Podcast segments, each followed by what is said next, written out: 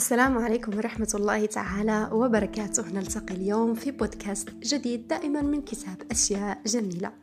تناول الحلوى أولا. في هذه السنة أعدت لي ابنتي الرائعة كعكة حمراء غامقة بمناسبة عيد ميلادي مستخدمة طريقتها الخاصة التي تجمع بين الإبداع والحب. كانت كعكة كبيرة الحجم وقد اقتطعت لنفسي القطعة الأكبر وبدأت بتناولها. ومع اللقمة الأولى أغمضت عيني وابتسمت. كانت رطبة وحلوة المذاق جدا.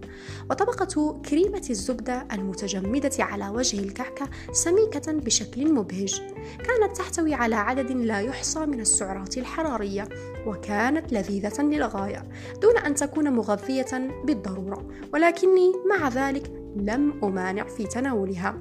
فعلى الرغم من كل هذه السعرات الحرارية استمتعت بكل لقمة وتناولت بضعة ملاعق من البوظة أيضا. والتهمناها كاملة أنا وأولادي. وعندما انتهينا كانت بطوننا ممتلئة بالكامل ونفوسنا راضية وكان ما يزال هناك أربع ساعات لموعد العشاء.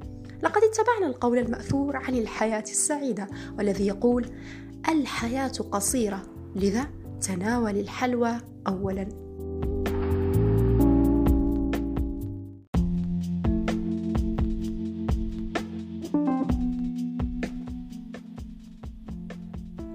لقد قضيت سنوات كثيرة من حياتي وأنا أؤجل تناول الحلوى التي تقدم لي إلى أن أنتهي من فعل كل شيء آخر.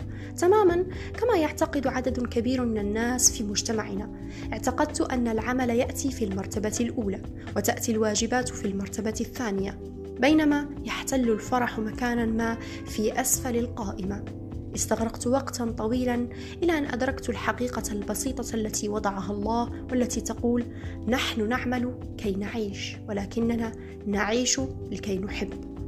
فمن دون الحب والضحك والفرح والخير ومن دون كل المتع البسيطة التي يمكن أن تجلبها الحياة سيغدو وجودنا رحلة مملة وبائسة. الحمد لله لقد أدركت أخيرا أنك عندما تضع الحب في قائمة أولوياتك سيصبح كل شيء آخر أجمل بكثير. لا تؤجل الأفراح البسيطة التي يمكن أن تجلبها لك الحياة ولا تؤجل الحب الجميل الذي يمكن أن تمنحه للآخرين. تناول الحلوى أولا وعانق أطفالك قبل البدء بحل الوظائف. واقفز فوق الأوراق المبعثرة قبل أن توضبها وارقص فوق الأرضية قبل تنظيفها. قم بأفعال تتسم باللطف والخير حتى دون تخطيط. والعب مع كلبك ولاطف قطتك وراقب غروب الشمس. واشكر الله. اجعل ابتسامتك تشع وكن متألقا. وتشارك الحب وتشارك الحب مع الجميع.